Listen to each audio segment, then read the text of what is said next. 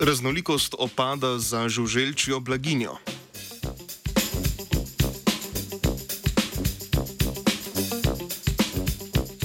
Pester ekosistem žuželkam nudi različna habitatna okolja in vire hrane. V primeru povišenih temperatur v okolju imajo žuželke na voljo hladnejša zavetja, v katerih se izognejo vročini. Eden izmed mikrohabitatov v gozdu je naprimer opad, odpadlo listje iglice in druga deloma razkrojena organska snov.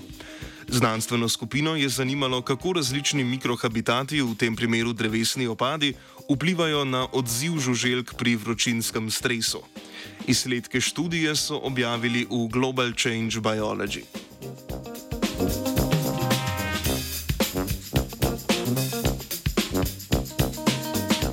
Raziskovalke in raziskovalci so poskuse izvajali v treh zaprtih komorah, ki so predstavljale vsaka svoj ekosistem.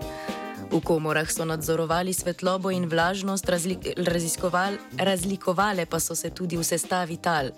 Prva je bila kontrolna komora s tlemi brez opada, v preostalih dveh komorah so bila tla prekrita z opadi štirih drevesnih vrst.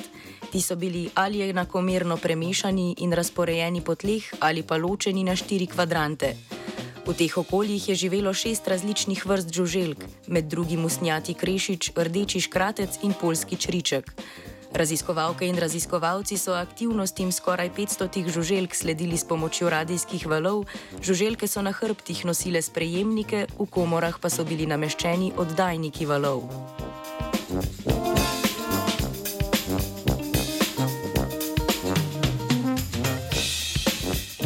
V obdobju treh mesecev je znanstvena ekipa žuželke izpostavila krajšim obdobjem vročinskega stresa.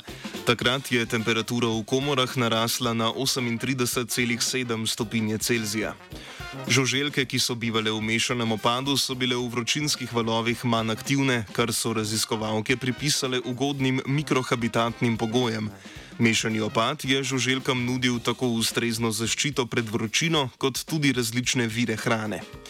Obdobje povišene temperature so žuželke kratkoročno ublažile z znižanjem telesne aktivnosti.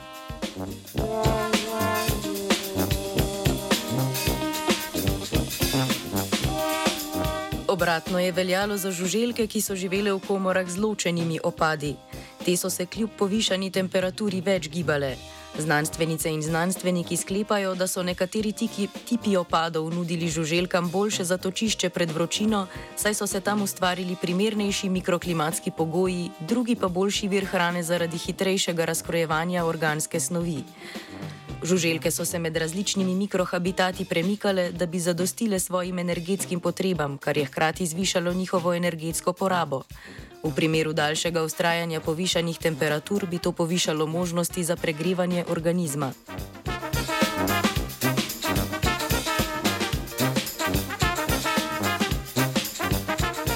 Poskusom je raziskovalna skupina pokazala, da ima raznolikost habitata pomembno vlogo pri odzivanju kopenskih nevretenčarjev na vročinski stres.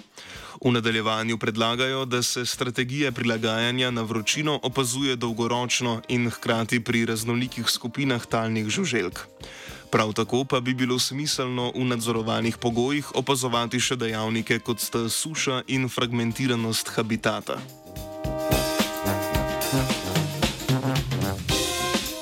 Po odpadnem listju je brskala Klara.